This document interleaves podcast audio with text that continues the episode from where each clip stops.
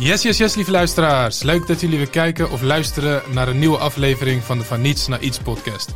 De podcast waarin ik in gesprek ga met biculturele pioniers die iets uitzonderlijks hebben gepresteerd op het gebied van ondernemerschap.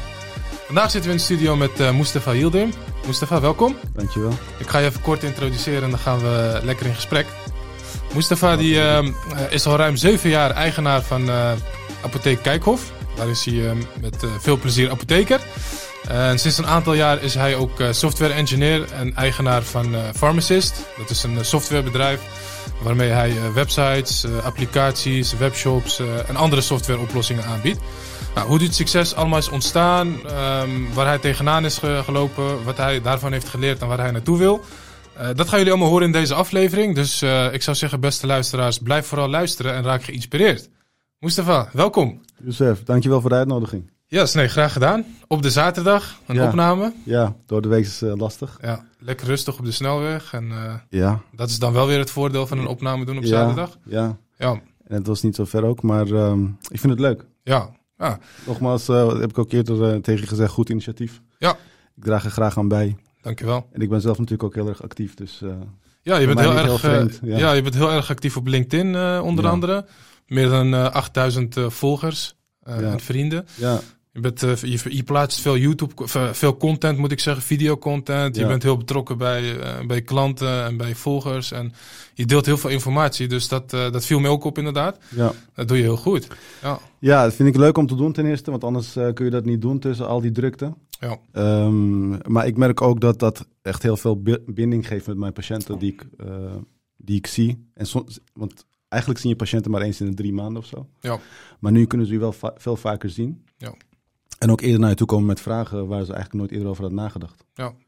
En ze zien het, het gezicht achter het bedrijf. Hè? Dat is voor mensen ook fijn, denk ik. Ja, en daarom vond ik het ook leuk om iets over mezelf uh, en privé dingen uit, uh, uit te leggen. Waarom ik dingen doe en waar het vandaan komt. Ja. En dan merk je dat dat dus meer binding geeft. Ja, en dat vind ik leuk. Dat vind ik het leukste aan het vak. Leuk. Uh, in, in deze podcast gaan we, gaan we eens kijken hoe, hoe het allemaal begon. Al het succes, uh, uh, het succes achter je bedrijven, achter de, het bereik wat je hebt. Ja. En uh, we beginnen eigenlijk altijd met, met de standaard eerste vraag. En die vraag die luidt als volgt. wat wilde je worden toen je klein was? Um, toen ik klein was, wou ik dokter worden. Dokter, want um, mijn vader die kreeg voor mijn ogen een hartaanval. Mm -hmm. um, Hoe oud was je toen dat Ik was volgens mij acht. Maar dat weet ik niet helemaal zeker meer. Ik was volgens mij acht. begin jaren negentig. En uh, nou ja, dat was natuurlijk heftig. Ja. En uh, hij wist niet dat hij een hartaanval kreeg. Hij vroeg aan me, kun je op mijn arm lopen? Want hij heeft aan zijn linkerarm uitstraling, pijn. Dat is, dat is wat je krijgt met uh, hartaanval symptomen. Ja.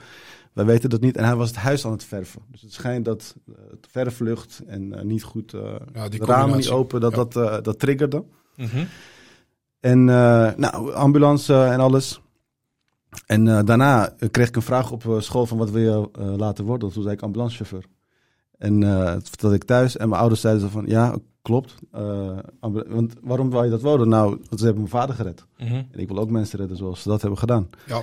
En um, toen zeiden ze, ja, klopt, ze hebben je vader gered. Maar eigenlijk hebben de dokters in het ziekenhuis je vader gered. En dat was eigenlijk de reden voor mij uh, om in te zoomen in gezondheidszorg. Ja, dus je ging van het idee om ambulancebroeder te worden ja. naar, nee, ik wil eigenlijk toch wel mijn vader redden in het ziekenhuis. Dus ja. dan maar dokter. Ja. Hoe is het eigenlijk met je vader op dit moment? Goed. Ja. Goed. Ja, het uh, vorig jaar of was het inmiddels twee jaar geleden had hij een uh, herseninfarct gehad. Zij zijn in Turkije oh. trouwens, ze zijn geëmigreerd. Oké. Okay. En um, dat was even schrikken weer.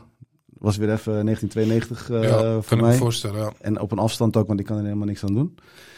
Um, maar voor de rest goed, ze zijn met pensioen. Ze hebben naar hun zin. Ze okay. zitten aan de zuidkust van Turkije. Ja. Waar uh, in het slechtste geval volgens mij uh, 16 graden is ja, in de wintertijd. Ja. Je kan een ijsje eten op het terras in december. Prima. Um, dus uh, dat gaat goed. Ja. ja, dan heb je op een gegeven moment het idee inderdaad van ik wil ambulancebroeder worden en dan toch maar dokter. Op een gegeven moment, ja, je bent een jaar of acht. Maar hoe ga je dan om met die gedachten? Hoe, hoe neem je dat mee in je leven vervolgens? Um, nou, ik ben uh, gekomen naar Nederland toen ik zes was. Oké. Okay. dus ik ben geboren in Turkije, Mhm. aan de zuidkust, waar mijn ouders nu zijn. Kijk. Um, in 1990 ben ik dus gekomen. En um, ja, ik begon eigenlijk 1-0 achter, want ik kon de taal niet. Uh, ik was begonnen in groep 2. En nou ja, dan voel je al een beetje, zeg maar, niet erbij horen.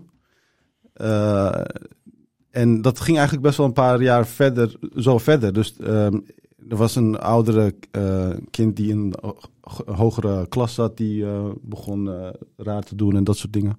Slaan onderweg naar huis en dat soort dingen. Dus ik had altijd het gevoel van, oké, ik hoor er wel bij, maar ik doe mijn best om steeds bij te benen en ik hoor er niet helemaal bij. En dat gevoel, daarmee begon het eigenlijk toen ik naar Ja. Nederland kwam. Ja.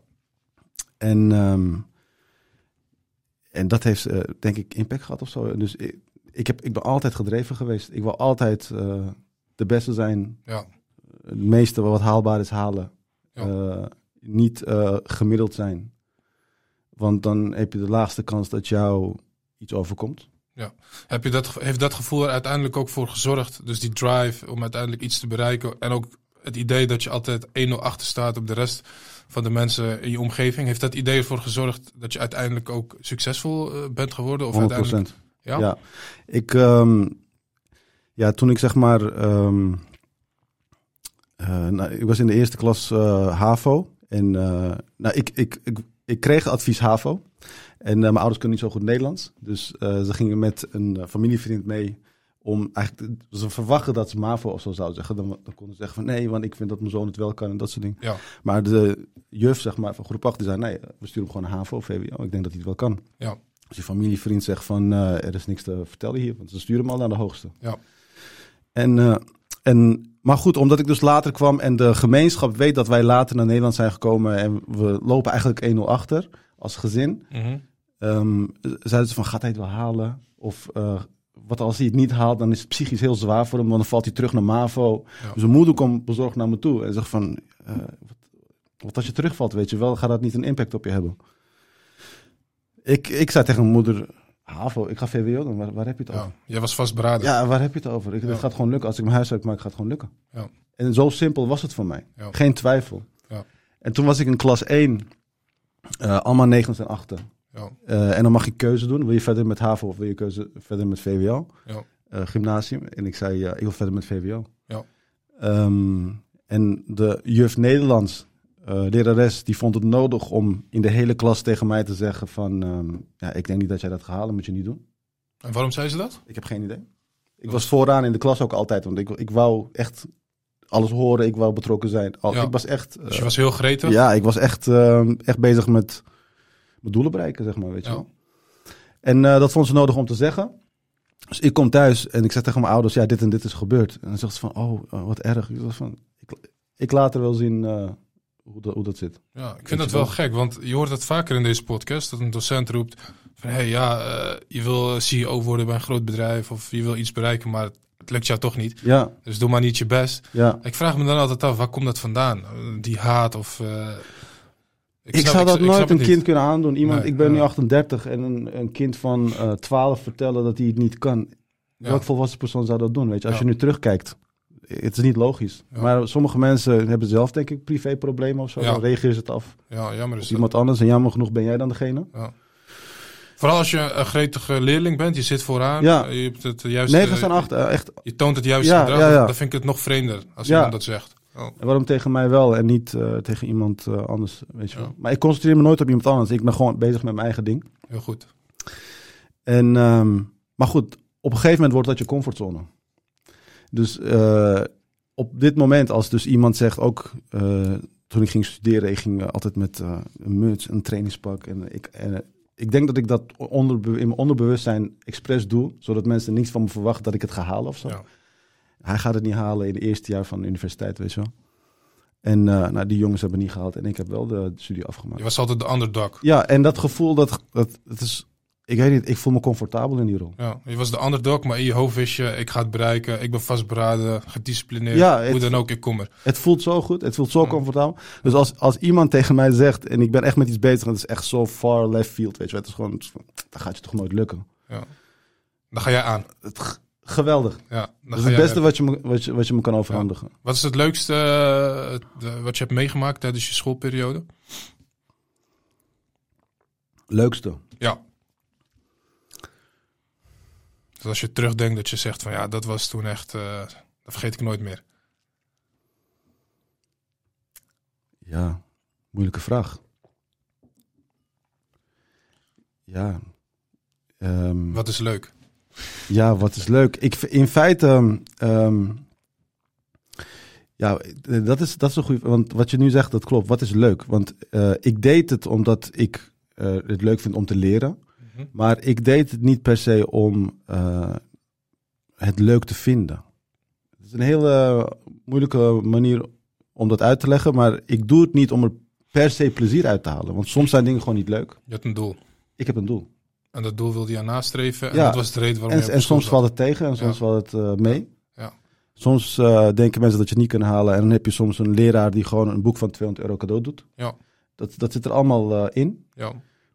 Ehm, maar ik heb nooit echt gefocust op van... oké, als ik dat haal, dan ben ik echt bevrijd. Ja. Of dan, dan, dat heb ik nooit gedaan, want het, want het houdt nooit op. Nee, het, houdt, Voor mij. het gaat altijd door. ik ben altijd Ja. bezig met de volgende stap.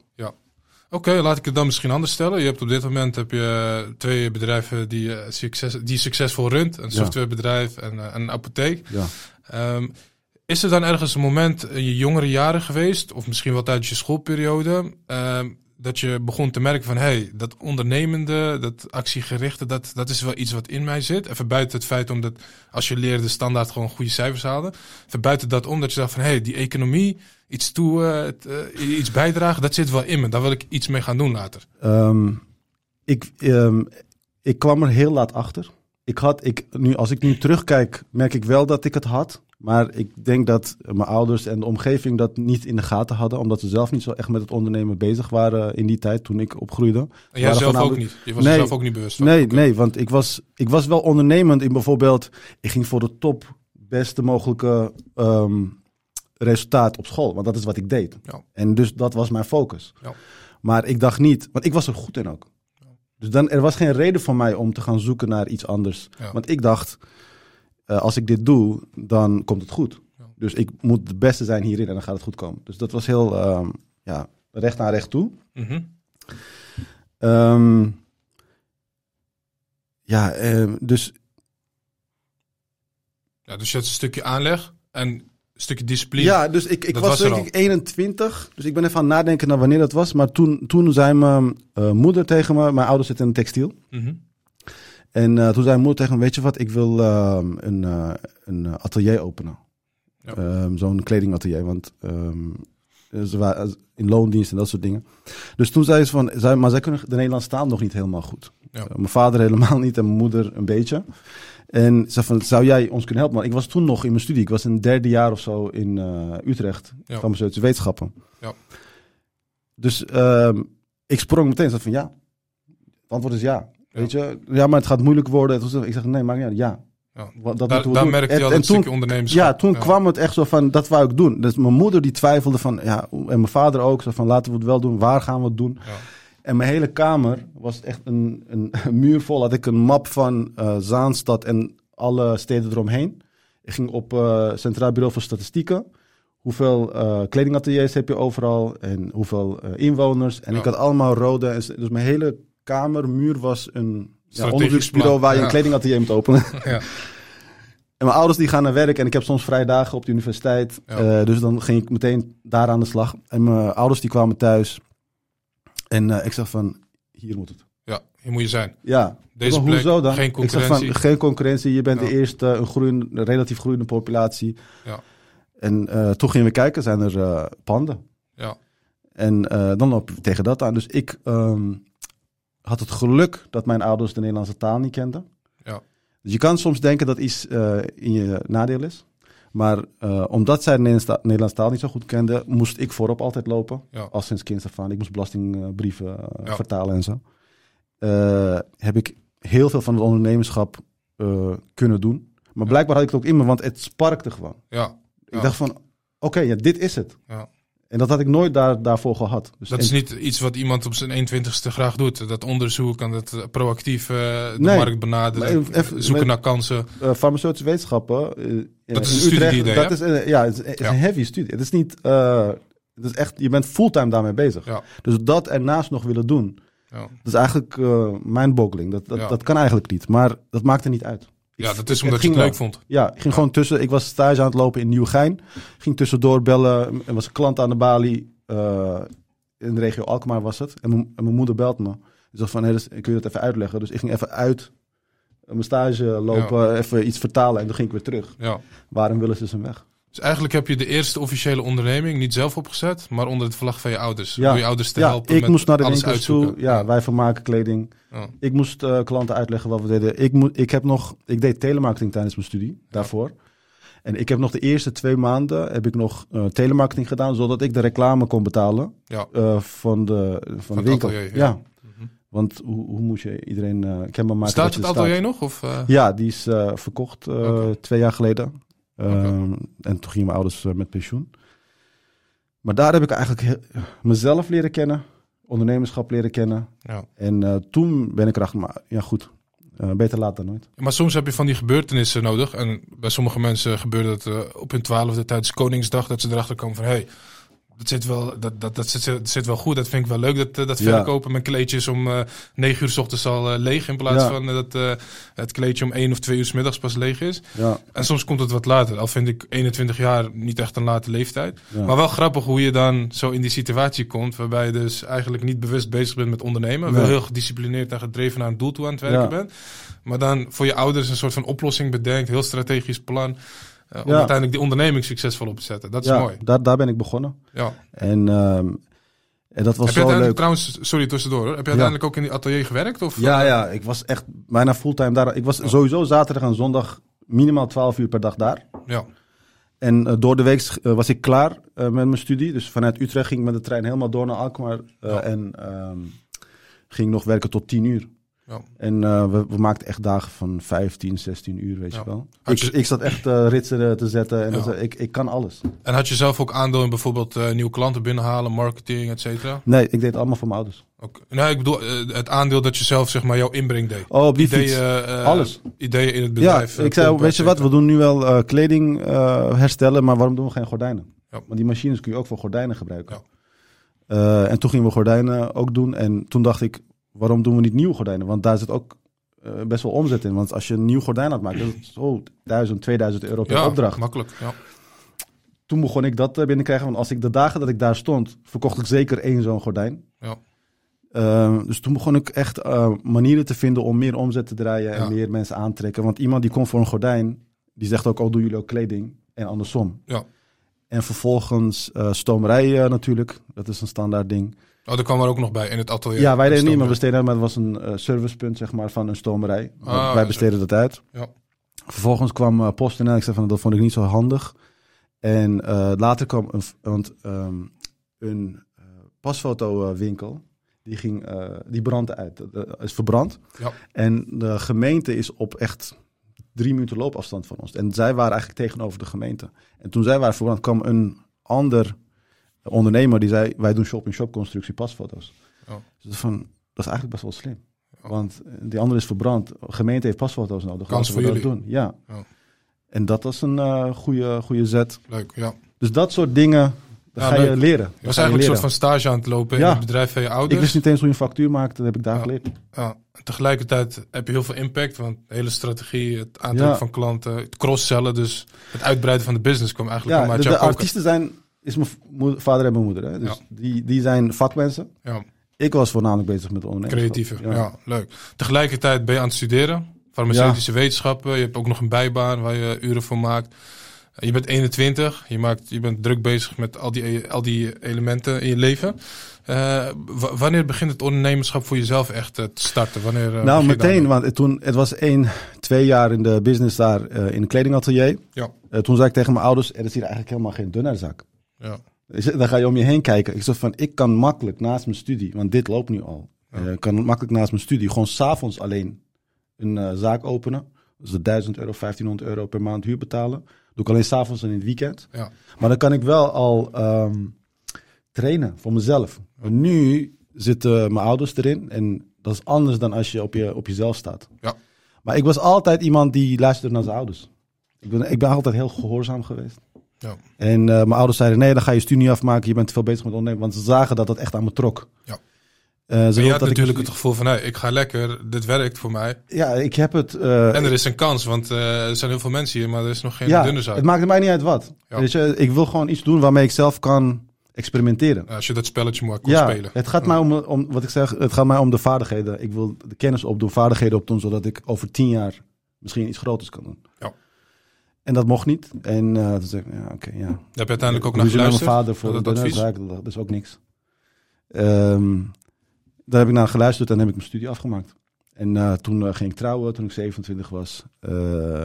verhuizen. En, ja, en dan ben je uit huis. ja, dit is, en dan merk je zo van, dit is mijn leven. Ik moet, Ja. ik moet iets doen waarmee, waar ik gelukkig van word. Waar ik echt het gevoel van heb, ik trek aan iets. Dit, dit gaat echt iets worden. Ja. En ik had dat gevoel niet in loondienst. ja, want je bent, eh, je, bent, je bent eerst in loondienst eh, gegaan. Je bent, eh, je bent fulltime gaan werken. Ja, Als ik je zo hoor. ja. Wat ben je gaan doen na je studie? Ehm, ik ging ehm, werken in Rotterdam. Mhm. Ehm, want mijn vrouw die komt uit Rotterdam, mijn schoonouders komen uit Rotterdam. En Ja. ik had ook toevallig werk gevonden in Rotterdam. Want het punt is, als je afstudeert, dan ben je eigenlijk eerst tweede apotheker. Je werkt onder een eerste apotheker, die leert jou zeg maar het vak. Mhm. Maar ik studeerde voor tweede apotheker, maar ik werd niet aangenomen. Want ze zeiden, ja, je gaat clashen met de eerste apotheker. Je hebt te veel ideeën, je hebt te veel Ja, initiatief. je bent te ondernemend. Ja, je bent te ondernemend. Dus ik heb er volgens mij drie eh, sollicitaties gedaan. Dat eh, ging niet. Oké. En toen kreeg ik een eerste apotheker, eh, en dat krijg je niet altijd. De kans Aanbod- om in de kans als eerste apotheker te worden, dus een hoofdapotheker die verantwoordelijk is voor alles. Oh, In. Rotterdam. Ja. Het was eerst even eng, maar toen heb ik het gedaan. Wauw. En eh, toen mocht ik dus een apotheek. Maar hoe ben je daar aangenomen? Want je zegt eerst, ik heb moeite met eh, solliciteren voor de functie van tweede apotheker. Ja. Op een gegeven moment komt er een kans voorbij om eerste apotheker te worden. Ja. Hoe komt die kans voorbij en hoe ben je daar aangenomen? Een belangrijk moment geweest in het leven. ja, want dat was. ehm, ik was met zo'n eh, bemiddelingsbedrijf, zeg maar, die ja, recruit zeg maar, en dan doorgeeft aan de bedrijven. En, en, en zij doen een persoonlijkheidscheck. Je krijgt zeg maar kleurtjes. Van, Ja, jij rood, bent dit en blauw, jij bent ja. dit. Ja, en zij zeggen van jij bent gewoon heel hoog in ondernemerschap. Rood dus, heel ja, groot. Ja, ik weet het niet eens meer. Ja, ik was heel hoog in dit. En zei van, ja, jij moet eigenlijk hier. Ik zeg, maar goed, ik, het voelt nog niet. Ik weet niet of... eh, want ik, eh, in feite, je bent, je bent wel klaar met de studie. Maar er, eh, je hebt heel weinig eh, Je praktijkervaring. bent nieuw op de markt. Ja. Ja. ik zeg altijd, de assistenten krijgen veel meer praktijkervaring tijdens hun studie dan apothekers. Oké. Ehm, en, maar goed, zij zegt, ja, jij kan het beste dit doen. En toen heb ik toch twee of drie sollicitaties dus gedaan als tweede apotheker. En toen zei ze, ja, probeer dit nou even. En ik zei, oké, prima, gaan we doen. En toen heb ik het gewoon gedaan. Ehm, en eh, toen ging ik verhuizen naar Rotterdam. En, ehm, maar goed, dat zeg ik, we hebben geen ervaring opgedaan tijdens de studie, zo goed als niet. Dat is een hele wetenschappelijke studie, denk ik. Hè? Heel wetenschappelijk, Farmaceutische- ja. En de praktijkervaring, ja, ik weet die pakjes niet. Ik weet niet Ja. wat... Dus je ziet een merknaam, maar wat zit er... Ik weet wel, als, als ik hoor wat erin zit, weet ik het wel. Maar je ziet een merknaam. Je kent de theorie, maar je hebt de Ja. praktijkervaring nog niet. Dus je was een beetje onzeker of je het wel Ja, maar ik woonde dus toen nog... Ik was verloofd. Ik woonde toen nog in Zaanstad. Maar ik werkte in Rotterdam. Ja, flinke afstand. Ja. Eh, maar wat ik deed, was ik... Als iedereen naar huis ging, half zes, apotheek sluit. Ik ging gewoon aan de balie staan. En ik ging eh, die eh, pakjes scannen. En toen die telefoons waren volgens mij niet goed genoeg om eh hogere resolutie foto's mee te maken. Dat je Ja. thuis kan bestuderen. Dus ik ging echt daar staan. Ik zei van, oké, dat staat daar, dat staat daar. Wat zit daarin? Dus ik ging echt anderhalf uur tot twee uur voordat ik naar huis reed. Want ik had toch file terug naar huis. Ja. Bestudeerde ik de pakjes en de apotheek. Zodat ik morgen, als ik een vraag erover krijg, Ja. of ik, dat ik meteen kan antwoorden. Want een apotheker die niet kan antwoorden, dat, dat staat natuurlijk heel raar. Nee, dat, Maar niemand ehm, begrijpt dat je net bent afgestudeerd en dat eigenlijk de praktische kennis er nog niet is. ja. Dus je was eigenlijk een beetje een soort van stage aan het lopen in je vrije tijd. Ja, Om de extra praktijkervaring op te doen die Ja. je gemist had. ja. Wauw. En, ehm, maar die extra uren die tellen op op een gegeven moment en dan word je, word je heel goed. En Ja. dan weet je meer dan de meesten. En, en, en toen kreeg ik de kans, want die apotheek dat ging financieel niet zo goed. Mhm.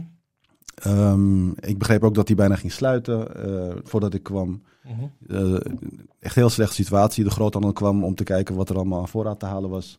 Zo slecht ging het. Jammer. Ehm, en toen kreeg ik hem. Zo van, eh, los het maar op. Eh, vers van de studie.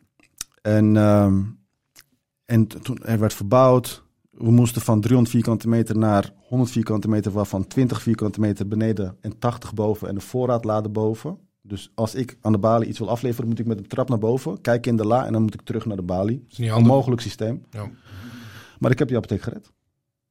En eh, toen kwam een concurrent na twee jaar naar me toe, want ze verwachten dat die apotheek ging sluiten. Ja. En die concurrent, viel ze op natuurlijk. ja, en die concurrent kwam naar me toe, zo, zo kan ik, kan ik even met je afspreken, koffie? Ik zeg, ja, kom maar.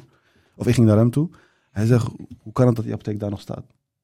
Ik zeg, ja, ehm, het enige wat ik je kan antwoorden is, ik doe meer dan waar ik voor betaald eh, krijg. Ja. Ik werk niet eh, acht uur of zo. Ja. Ik maar in deze, continu. podca- in deze podcast nemen we natuurlijk nooit genoegen met het enige wat ik kan antwoorden. Is ik doe meer uren. Wat heb je gedaan om die, pot, om die eh, apotheek te redden? Kun je eens een voorbeeld noemen van iets wat cruciaal was? Je noemde ne- net even ging- snel bijvoorbeeld dat, voor, dat, dat voorraadverhaal van boven naar beneden. Heb je dat bijvoorbeeld veranderd? Kan ik me niet voorstellen, want je hebt beneden heel weinig ruimte. Maar noem eens een voorbeeld als je wil. Ehm, wat ik voornamelijk deed, want en, en, er, en nog erger, de, er, er zijn zeg maar drie apotheken in één straat. Eentje zit in een gezondheidscentrum, wij zaten los. En een ander zat ook los, maar die ging in een gezondheidscentrum met huisartsen zitten. Ja. En tegelijkertijd, dus zo'n slechte situatie van de apotheek, ging ook nog eens 30% van de patiënten overstappen naar die apotheek, omdat die dicht bij de huisarts zat. Dus ik Ja. mocht een apotheek die al in de rood stond, eh, met 30% minder patiënten redden. ja, extra moeilijk. Dus wat ga je doen? Je gaat eerst focussen op de cijfers. En dat is waar ik goed in ben. Dus ik, ik ging kijken van waar komt het geld vandaan? Waar gaat het geld naartoe? Eh, waarom geven we hier geld aan uit?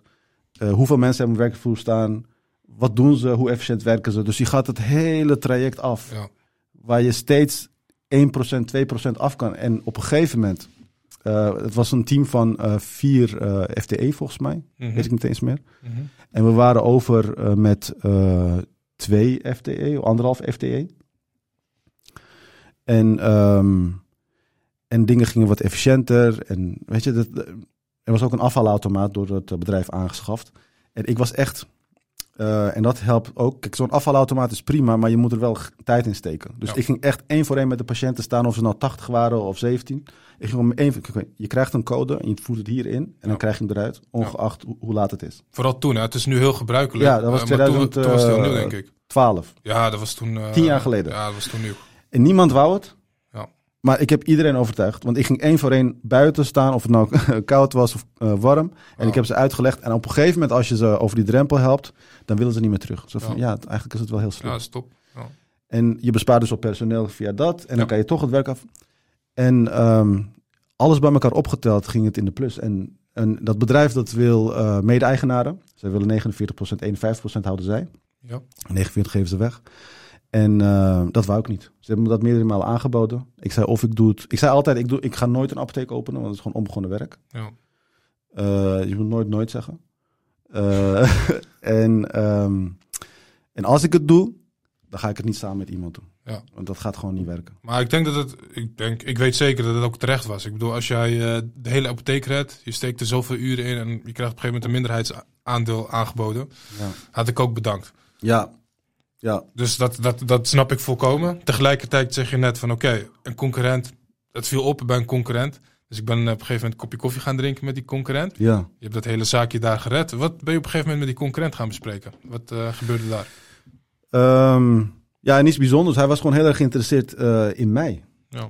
Want hij En waar zat niet... de concurrent? Ook in Rotterdam? Of, eh? Ja, die, eh, de concurrent in Rotterdam die zeg maar die los zat en in een gezondheidscentrum ging zitten. Oh, dat was die. Dat was de Hij- buurman eigenlijk. Ja, Ja, hij was gewoon, hij had 30% van onze patiënten al overgenomen. ja, ja. En hij dacht, het ging al slecht. En nu heb ik duizenden patiënten overgenomen. Ja. Het is gewoon game over. Ja. Het, het kan bijna niet dat die nog... En het Maar toch flikt hij het. Ja. Ja. En, Ja. En, en dat was reden voor hem om te zeggen van ja, laten we kennis maken. Want dit is wel heel bizar. En toen eh, ben je Want daar ik- gaan werken? Of hoe, wat- Nee, nee, nee. Dus, en toen eh, heeft dus de, het bedrijf waar ik toen werkte, omdat ik niet mede-eigenaar wilde worden, hebben ze het contract niet verlengd. Toen ging ik werken, want ik, wo- ik woonde dus in Rotterdam. Ja. Toen ging ik werken in Numansdorp, zes maanden. Maar ehm, toen was mijn oudste dochter geboren. Ja. En we kregen bezoek vanuit Assendelft. Maar ik ben opgegroeid in Zaanstad. Ja. En heel veel mensen van mijn wijk die zijn verhuisd naar Assendelft, waar de Ja. apotheek nu zit. Ja. En die kwamen dus op bezoek. En ehm, nou ja, gefeliciteerd dit en dat. En die hebben, het- ze klagen maar over die apotheek. Weet je, als we daar een keer zijn, dan is het gedoe en dat soort dingen. Ja. En ze zeggen dat er een pand daar is en dat soort dingen. Dus ik zet dingen bij elkaar. Ja, je aan het denken. weer- Ja, dus ik zei van, ik ga daar even kijken. En het pand was, waar ik nu in zit, eh, was al twee jaar leeg, begreep ik. Mhm. Dus ik ging kijken, wat is mogelijk. En, En over eh, welk jaar praten we nu ongeveer? dit is zijn- waar zitten we nu? 2014. Oké. Dus 2014. Dus dan ben je een aantal jaar uit de studiebanken, zeg maar. ja, en heb ik in mijn tweede werkplek als in loondienst. Ja. En ehm, Dus ik ben weer aan het eh, kijken van hoeveel mensen wonen daar. En ik ben Ja. weer. Dus dat, CBS. omdat ik dat, ja, dus toen ik dat, die skill al had geleerd van hoe bereken je nou zoiets? Wat is de Ja. kans van slagen? Wat doen normaal? Dat ging ik daarop loslaten. Ja, En zei van dit is gewoon, dit is gewoon no-brainer. Dat moet ik eigenlijk doen. En een groeiende wijk. Het is gewoon een goede investering. En die eh, apotheek die er al zat, waar de familieleden over klaagden, eh, Ja. was het een apotheek die in, die in de directe omgeving eh, zat? Of is die uiteindelijk failliet Ja, ja nee, nee, die zit, die zit echt op misschien 50 meter afstand. Nog steeds? mij. Nog steeds. Oké, Maar ehm, ja, ik kan zeggen, mm, ik kan zeggen dat ehm, ja, duizenden patiënten zijn overgestapt van mijn Ja. concurrenten. Ja, op, op het moment dat de klanten niet tevreden zijn Ja. en er is een alternatief Ja. waar je hetzelfde kan krijgen eh, en de klantenservice beter is en de aandacht beter is, uitleg, ja, dan is het natuurlijk eh, een no-brainer. Je stapt zo over. Ja. Ja. Ja. maar goed, het, eh, ik merkte dat, en dat is het met ondernemerschap. Je denkt dat iets gaat gebeuren, maar je, in, de praktijk is het, in de praktijk is het altijd moeilijker. Je hebt nooit de Altijd moeilijker. En dat merkte ik, want heel vaak denken mensen dat een apotheek iets is waar je gewoon bent. Punt. Ze weten niet. Kijk, mensen veranderen wel van eh, energieleverancier. en, eh, maar ze denken er niet bij na dat je ook kan veranderen van apotheek. Ja. Ik- Dat zit er op een of andere manier niet in. Ik denk ook omdat je dan denkt van, ah, dan moet ik, eh, moet ik mezelf weer opnieuw inschrijven, papierwerk. En ik denk Ja. dat mensen daar geen zin in hebben. Ja. Ja. En, Dat ehm, maakt het extra dus ik moeilijk. moest iedereen gaan trainen. Dus ik moest iedereen gaan uitleggen wat allemaal mogelijk is toen ik... De patiënt of je mijn patiënten. Ja, patiënten. Ehm, dus zodoende. Dus ik heb toen, toen ik in Nieuwmansdorp werkte, even, even een stap terug, heb ik dus Ja. ontslag genomen. Ja. Eh, in die zes maanden heb ik het een en ander veranderd daar. Toen begon dingen ook wat soepeler te lopen, wachttijden te verminderen, dat soort dingen. En dat was eigenlijk de reden, want toen ik daar kwam, merkte ik, hey, ik, eh, want als je van je studie naar je eerste werkplek gaat, dan merk je niet echt wat je kan, want je bent, je groeit in dat bedrijf. Ja. Maar als je naar een andere plek gaat, denk je van, hey, ik ben eh, 27 of 28 en ik kan best wel veel nu. Je weet wat je waard bent, je hebt eh Dat praktijkervaring opgedaan. Ja. En ehm, toen dacht ik, weet je wat, ik ga gewoon voor mezelf. En toen ik dus hoorde dat daar klachten waren, toen dacht ik, ik ga, ik ga gewoon ontslag nemen. Ja. en, eh, En je kon lekker terug naar je oude sticky. Ik kon terug naar Zaantje. ja. Ja, wauw. Dus Ja. op een gegeven moment eh, zie je dat pand. Je, loopt, je gaat er naartoe. In eerste instantie natuurlijk, dat is de eerste stap. Op een gegeven moment doe je het onderzoek, CBS. Nou, daar komt de conclusie uit van, nou, dit, dit kan iets worden. Hoe ga je dan concreet, hoe start je zoiets op, een apotheek? Nou, niemand mocht natuurlijk weten waar ik eh, ga zitten en wat ik ga doen. Zelfs de softwareleveranciers en zo zei ik. ja, waarom echt- mag dat niet? Ja, want je wil niet dat de concurrent stappen gaat zetten of zo. Oh, zo. Want die kan opeens eh, ook dat pand gaan huren. Of Oh, oké. die kan opeens... Oh, je bedoelt op het moment dat je het contract met het pand nog niet getekend ja, hebt? ja, ja, dat, voortraject? Maar dat voortraject, je moet wel met zorgverzekeraars overleggen of zij het goed vinden. Je moet met de inspectie overleggen. Ja. Eh, er zijn zoveel Je instanties. kan natuurlijk niet zomaar medicijnen verkopen. Nee, het is een heel voortraject. Eh, en het kan ook zo zijn dat als je, je huurt dat pand en de zorgverzekering zegt, ja, we vinden het geen goed idee, dan zit je wel vijf jaar vast aan het pand. Aan het pand, ja. Dus dat moet je van dus je moet de se- sequence moet je heel goed gaan Ja. doen. Ja, Ehm, iedereen vertelde me in dat traject dat ik het niet moest doen. Ja. Echt iedereen. word je vaker als ondernemer. Hè? En ja, en ehm, ook opportunisten natuurlijk, die proberen misbruik te maken van de situatie. Eh, die proberen een aandeel te krijgen en dat soort dingen. Ja. Ehm, maar dat was echt heel lastig, want ik ging tussen mijn pauzes door. Dus ik werkte in Numansdorp. Dus ik zei, ik had een uur pauze, zeg maar. En toen ging ik naar een Van der Valk hotel dichtbij, sprak ik af met de groothandel. Ging ik overleggen van hoeveel is de korting en wat gaan we doen? Ja. Oké, en dan schreef ik het op en ging terug naar werk. Ja. En zo deed ik het, eh, nam ik een dag vrij en ging ik dat. Dus ik ging echt tussen mijn werk door, ging ik dat doen, maar eh, niemand mocht dat weten. Ja. Nogmaals, dus als iemand het hoort, dan, Ja, precies. Nou, dat ja, dan ben je het Ja. pineut. Nou, uiteindelijk eh, heb ik dus ontslag genomen en ik eh, sa- samen met mijn schoonvader verbouwd. Mijn va- mijn schoonvader is aannemer. Ik zat echt daar een maand lang. eh, dus in eh 1 juni waren we open. Mhm. Ehm, dus begin mei begonnen we met verbouwen. Oh, snel gedaan dan. Ja, in één maand verbouwd. Dus het pand was er niet, was er niet heel erg slecht aan toe, waardoor Nee, nee, nee. We hadden plafond en vloeren. En wij moesten eigenlijk eh, een paar muren maken, een opslagruimte. dat scheelt. Ja. ja. en een sluis voor de groothandel. Ja. En dat hebben we gedaan. En eh, op 1 juni stond ik in mijn... En ik zei altijd, het, ik ga nooit een apotheek openen. En ik stond in mijn eigen apotheek. Van, ik kan niet geloven dat ik in mijn eigen apotheek sta. Ja. Het is zo snel gaan. En ik heb van alles gebeurd. En dat, is, dat ben ik vergeten te zeggen. Ik heb altijd gezegd, ik wil nooit een apotheek openen. Want ik weet hoe dat werkt. Ik weet het hele systeem. Waarom wilde je dat niet? Ja, het, eh, je, je of onderneemt... zo, of, eh? Nou, nee, niet per se. Ik hou wel van complexiteit. Want als anderen het niet kunnen, dat geeft jou ruimte als jij het Ja, wel kan. ja. Maar ehm, je onderneemt met jouw geld. Maar de zeggenschap zit, zit bij de overheid en de zorgverzekeraars. Ja, je bent een beetje afhankelijk van die, Ja, eh, dus van die partijen ja, waar je mee is- samenwerkt. Het is jouw geld. Ja. Maar als zij een beslissing nemen, dan kan alles opeens Veranderen. game over zijn. Ja, dat-. Dus ik hield niet van dat idee. Ja, Ja, dus sorry. ik heb alles geprobeerd. Ja. Ik heb alles geprobeerd. Ik, ik wou feestzaal openen, ik wou restaurants openen, ik wou t-shirts drukken. Ja. En op een of andere manier, Allah heeft ervoor gezorgd dat ik dat niet kon doen. Het Ja. lukte niet. Ja. Eh, omgevingsvergunningen gevraagd. Ik wilde omgevingsvergunningen omzetten. Tilburg geweest, Breda geweest. Ik heb echt van alles gedaan. Ja. Lukte niet. Nee. Ik begin aan die apotheek. En ik zat opeens... in- Ik, het, het was binnen één of twee maanden gedaan. Ja, alles ging goed. Terwijl een apotheek veel complexer is dan al die andere dingen die ik noem bij elkaar. En, en eh, dat leerde mij ook iets, eh, dat was, eh, je moet soms dingen niet forceren. Je moet wel geloven dat je naar een globaal punt gaat. Ik wil ondernemen en ik wil mensen helpen. Maar hoe je dat gaat doen, dat kun je niet van tevoren inschatten. Je weet niet wat op je pad gaat komen en ja, wat Allah je gaat mogelijk maken en wat niet. Ja. En dus, ja, blijkbaar was dit bestemd. Dus dan, als dit het is, dan ga ik er ook 100% voor. En eh, toen begon het op 1 juni 2015. Wauw. Ja, dat is een mooi voorbeeld van het lot laat zich niet sturen. Hè? Nee, En wat je zegt inderdaad, je kan heel erg focussen op ik wil nu dit of een feestzaal, feestzaal of een, andere onderneming. Maar ik denk dat het goed is dat je gewoon zoveel mogelijk doet, zo dicht mogelijk blijft bij principes en passie. En dan ontstaat daar vanzelf iets uit. Ondanks dat je niet te maken wilde hebben met al die trajecten van de overheid, et cetera, ben je uiteindelijk toch in dat Ja. bedrijfje gerold. ja, Of sorry, in die markt moet ik zeggen. Nou, dan open je het bedrijf in juni 2015. 15. En dan is het natuurlijk een uitdaging om klanten te trekken. Ja. Want dat is het moeilijkste uiteindelijk Ja, aan het hebben van een bedrijf. ja. Hoe ging dat in de beginfase? ja, moeilijk. Want, ehm, dus ik sta daar, geen enkel telefoon gaat, geen enkel fax komt en eh, geen enkel recept komt binnen. En dan moet je het doen. En eh, mensen komen wel langs, want er zat een reisbureau eerst in het pand waar ik zat. Oh, ja. Dus je had wel aanloop. Nou, Mensen. het is een winkelcentrum, dus je hebt sowieso aanloop. Oké. Alleen mensen kwamen wel langs en ze keken naar het pand van, hè, je weet, als je daar woont, je bent een lokale, dan denk je van, oh, welke winkel is er nu Ja, weer gekomen? Is nieuw. wel? Ja, dus ze keken wel, maar niemand kwam naar binnen. Ja.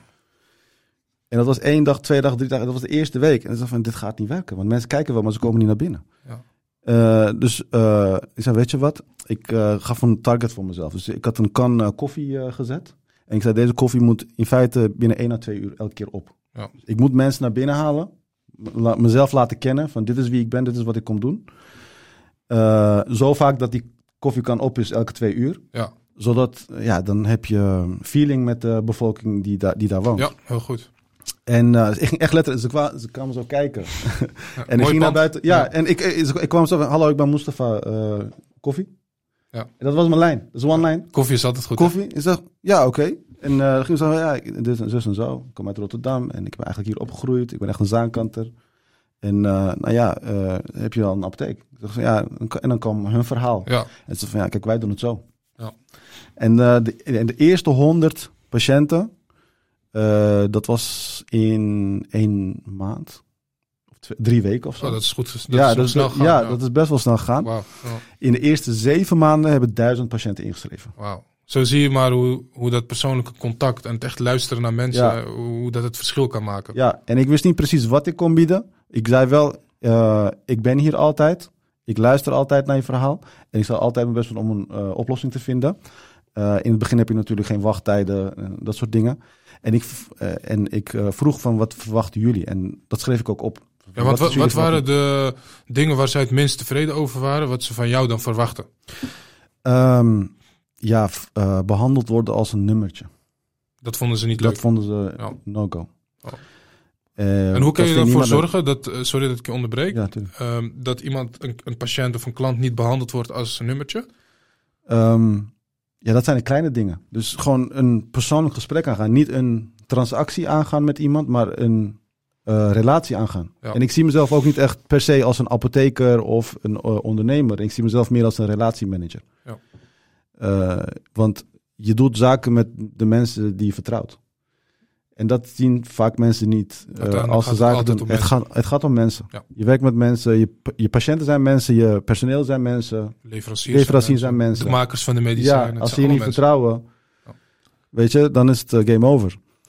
Ehm, en daar begon het. En ze voelden dat ook. Je kan het wel zeggen, Ja. Maar als iemand aan je voelt dat je dat oprecht op die manier wil doen. En we zijn nu zeven jaar verder. Ik hoef niet aan de balie te staan. Nee. Ze hoeven mij niet te zien. Ik kan gewoon makkelijk. Maar ik, ik doe expres. Ik plan het zo in dat ik altijd zichtbaar ben. En ze Ja. weten, als ik iets nodig heb, Mustafa kan me altijd helpen. Ja, heel goed. Of het nou vandaag is of zo vanmiddag of wat dan ook. Ik weet dat die oplossing eraan komt. Ja. En dat gevoel zorgt ervoor dat mensen kalmeren. Ja. Eh, maar dat is vaak niet zo eh, in de meeste apotheken. Vooral niet bij ketens. Ja. Vooral Ja. bij ketens. En jij bent geen onderdeel van de keten. Jij Nee. vindt die persoonlijke benadering vind je belangrijk. Ja, Blijf je ook doen. No matter what. Ja. Eh, 700 of 2, 3000 patiënten. Je blijft af en toe je gezicht laten zien. eh, zoveel mogelijk als je tijd hebt. ja. En dat is, dat is heel goed. Ja, ehm, en dat vind ik ook eh, het leukste. En, en op een gegeven moment wordt het ook moeilijk om zichtbaar te zijn, omdat je het gewoon zo druk hebt met andere dingen die erbij komen, de administratieve dingen en dat soort dingen. Ja. Maar ik, ik, ik doe niet alleen maar de apotheek runnen, ik probeer het ook nog toekomstbestendig te maken. Ja. Dus ik ben gewoon echt heel druk. Ehm, vooral in vergelijking met andere apothekers. Ja. Eh, wat doe je anders? Want ik doe de dagelijkse dingen die normale apothekers doen. Ja. Maar ik investeer ook over, voor over 10 jaar en over 20 jaar.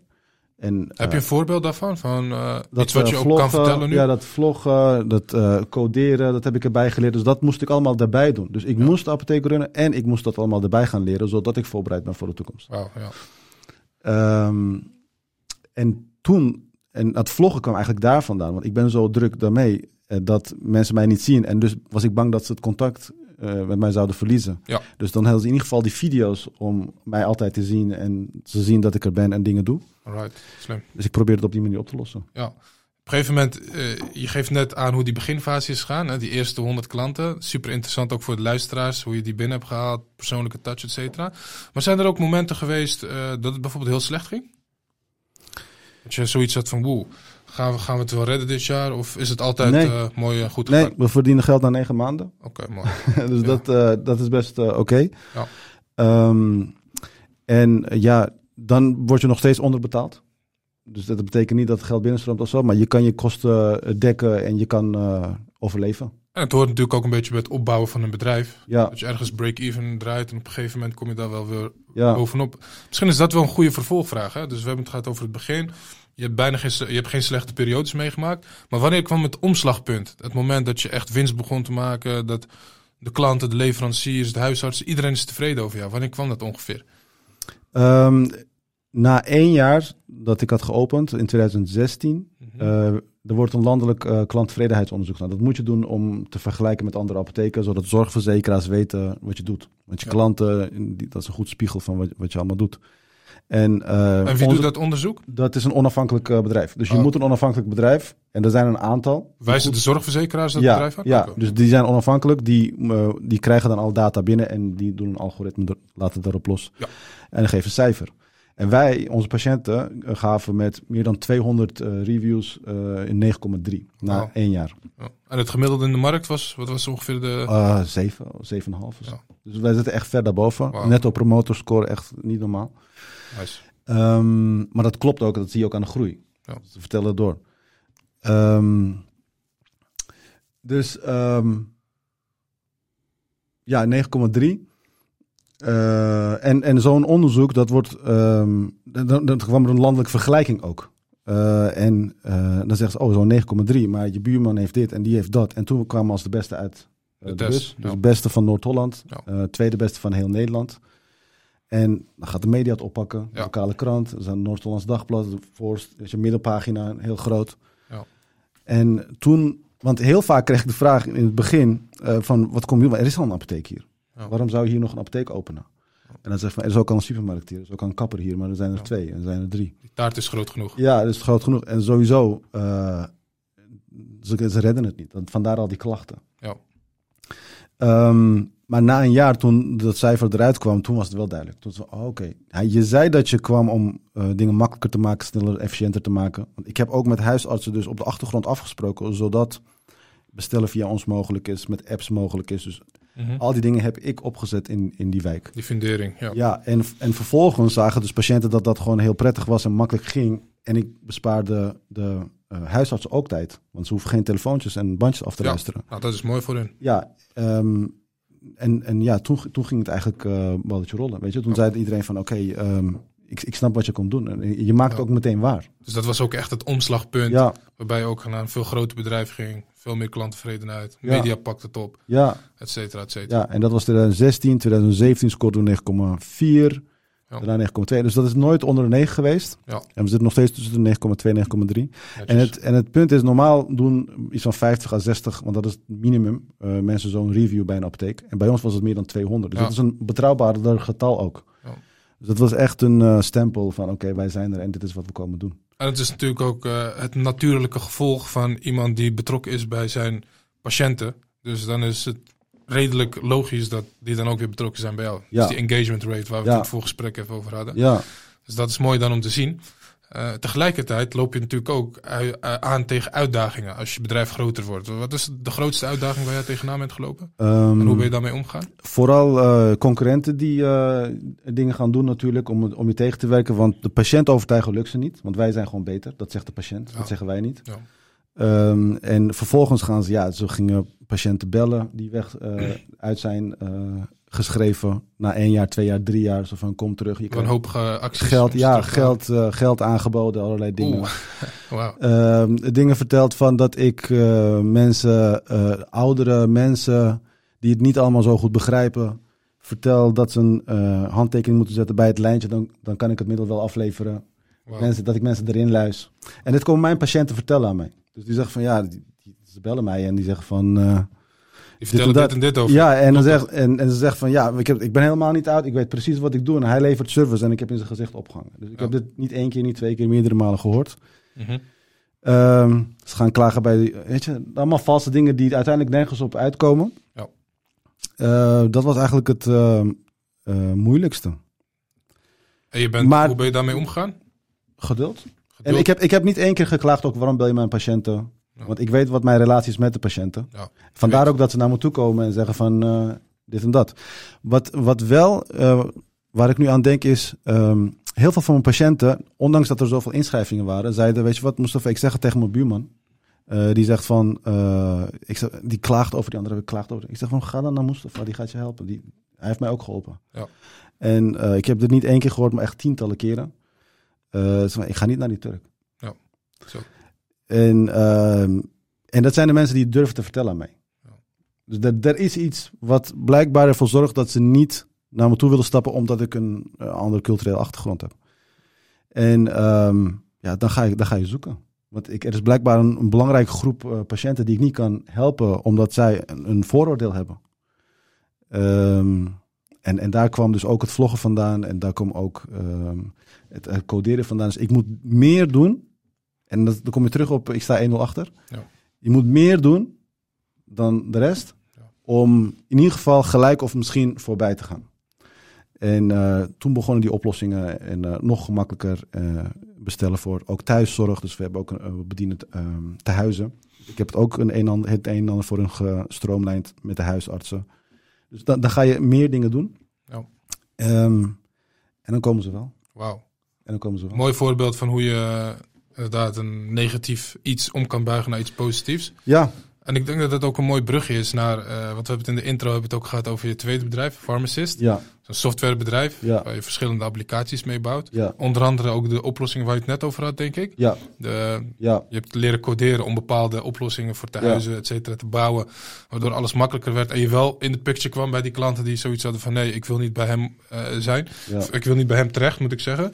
Eh, kun, kun je eens wat meer vertellen over eh Pharmacist? Hoe is het ontstaan? Wat doen jullie allemaal? Ehm, ik ben eigenlijk meteen, eh, ja, één, à- was het? één à twee jaar nadat ik begon met de apotheek, toen liep ik dus hier tegenaan. Ik hoorde dit soort dingen. En, ehm, eh, en, en toen ging ik op onderzoek uit van, ehm, ik, wil, ik wou eigenlijk eerst het wachtkamersysteem, waarbij men een, een naam, ik, wou, ik wou dus niet dat mensen zich als een nummertje voelden, dus ik wou eigenlijk een wachtkamersysteem waarbij mensen met een naam geroepen konden worden, dat alles op naam ging, weet je wel.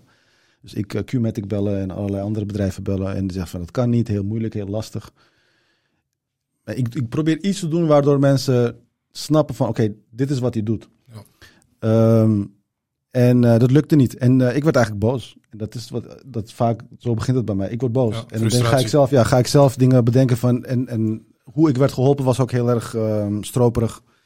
En toen zei ik, weet je wat, misschien kan ik het zelf wel. Dus toen ging ik eh, zelf, eh, en ik woonde toen nog eh, in Rotterdam, ging ik zelf online kijken wat ik allemaal kon doen. Moet ik, wat moet ik leren? Moet ik JavaScript leren? Moet ik C++ leren? Ik, ik ging al die talen ging ik af.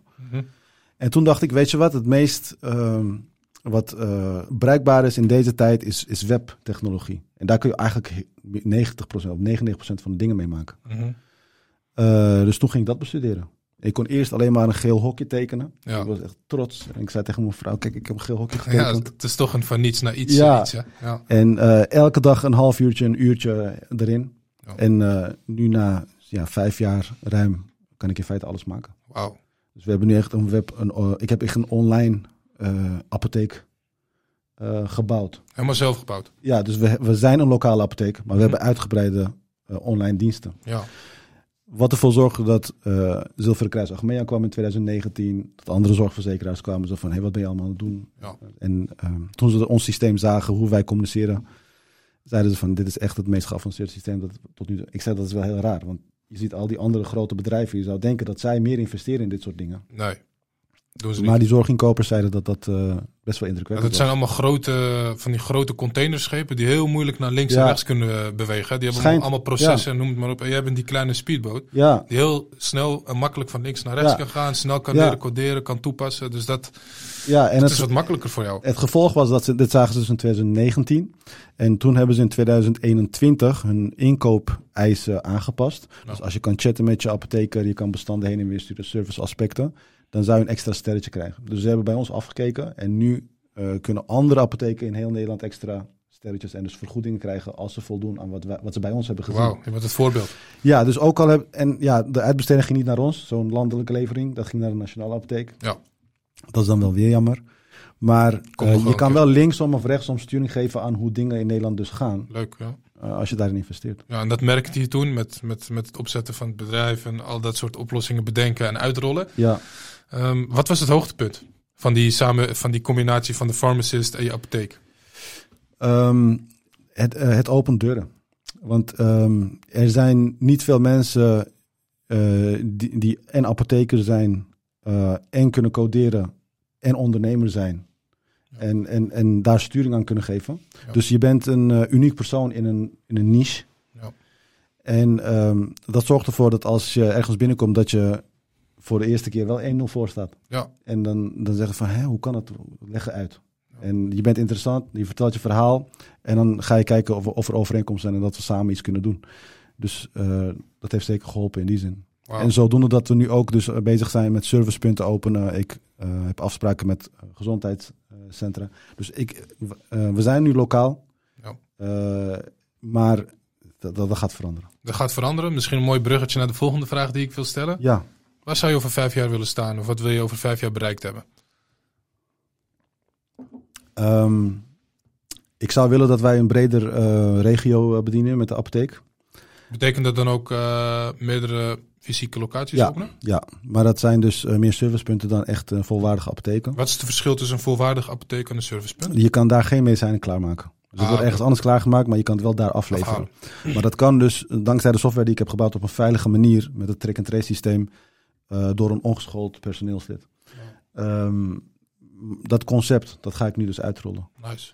Eh, Is dat iets wat al actief bestaat? Of is ja, dat echt iets... ja, eh, we hebben dus nu al een servicepunt in nee, Amsterdam. ik bedoel echt wat ook door andere partijen eh, aangeboden wordt? Of is dat echt Nee, iets waarmee je wij de zijn- game aan het changen bent? wij, zijn, wij zijn uniek eh, daarin. Er zijn geen andere. Volgens mij zijn we wel een, het een en ander aan het experimenteren. Van wat ik hoor, maar ik kom nergens. Hè. Het enige wat ik zie is eh, thuis, eh, gezin en eh, apotheek. Ja. Maar van wat ik hoor van de mensen die mij bezoeken, dus van de zorgverzekeraars en anderen, zeggen ze dat, dat, dat wij uniek zijn. Ja, Dus met dit klinkt ook als systeem. een super uniek con- Ja. concept. Dus, ja. Ehm, dus wij willen meer eh, locaties eh, kunnen bedienen. En ehm, ik wil ook veel meer eh, gaan uitbesteden. Dus dan komt een periode waarbij ik ehm, dingen overdraag. Ja. En zelf vooral bezig ben met dat deel wat ik leuk vind. En dat is het toekomst. Voorbereiden voor de toekomst, ondernemerschap. En als we het hebben over je persoonlijke ik, heb je nog een persoonlijke ultieme droom die je na wil jagen? Of leef je daar alleen? Ik leef erin. Ja, Dit is, eh, ik, terwijl ik het zeg, krijg ik kipvel. Ik leef er al in. ja, Dit is, eh, het is, dit is eh, vrijheid van mij. Want ik kan me- wat ik denk uitvoeren. Ja. En dat was waar ik tegenaan liep toen ik in Lonius werkte. Ja, Want je hebt ideeën, je wil dingen doen, maar het mag niet. Dus die ultieme vrijheid waar je naar streefde, die heb je nu. Je kan je ei kwijt, je ideeën, je energie kwijt. Ja. Dat is voor jou het leven in een ultieme droom. Dat is, dat is geweldig. Mijn gezin is gezond. We, zijn gelukkig en samen. Dus dat, Ja. eh, wat wil je nog meer? Ja, fantastisch. Ik denk eh, dat het een heel mooi verhaal is. Eh, mooi begin, middenstuk, einde. Het sluit ook allemaal goed op elkaar aan, alles wat je nu doet. Dus fantastisch werk wat je levert. Dankjewel. We sluiten de aflevering altijd af, of de podcast sluiten we altijd af met een finaal advies aan luisteraars die misschien iets anders willen in het leven. Welk advies zou je mee willen geven aan onze luisteraars? Ehm, wees altijd jezelf. En ehm, heb geduld. Dat zijn... eh, ja, je wordt van hier naar daar getrokken. Iedereen wil wat. Het kan je ouders zijn, het kan een ander zijn, concurrent zijn. Iedereen probeert aan je te trekken van, op, op een bepaald moment in je leven. Ja. Maar eh, als jij een visie hebt en je weet waar je naartoe gaat, eh, doe het. Verwacht niet te snel resultaat. Dus blijf bij jezelf. Als je ergens voor wilt gaan, gewoon doen. Ja, Niet te veel luisteren naar de belangen van andere mensen in je Ja. leven. En Want ga er gewoon voor. Ik ben 38 en ik werk eh, aan de persoon die ik nu ben al 30 jaar. Ja. Dus denk niet in maanden, En jaren, je- je maar blijft tientallen leren. jaren. Ik blijf Je leren. blijft elke dag leren. Ik ben nog steeds niet klaar, absoluut niet. Yes, Mustafa, dankjewel. Hele mooie, Graag inspirerende gedaan. Jij aflevering. bedankt, eh, ik, heb, eh, ik heb zelf weer een hoop geleerd. Ik hoop jullie luisteraars ook. Ehm, ga Mustafa vooral volgen op LinkedIn. Mustafa Yildirim. Hij eh, plaatst bijna elke dag eh, iets moois op eh, LinkedIn. Het gaat ook over medicijnen, dus ook nog eens super leerzaam. Ook op TikTok actief, hè Mustafa? Ja, bijna Waar 30. kunnen de mensen jou vinden op 30.000 TikTok? Apotheek Kijkhof BV. Apotheek Kijkhof BV.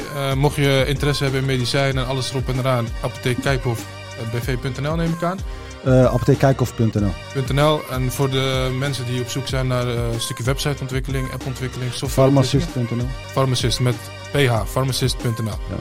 Mustafa, dankjewel voor je tijd. Ja, graag gedaan. Jij en wellicht eh, over tien jaar een deel 2, waarin je Wie 1500 servicepunten hebt in Nederland. Weet. Ja, we gaan er naartoe. Yes, Ja, gaat je lukken. Dankjewel voor je tijd, Mustafa. ja jij ook bedankt, Yusuf.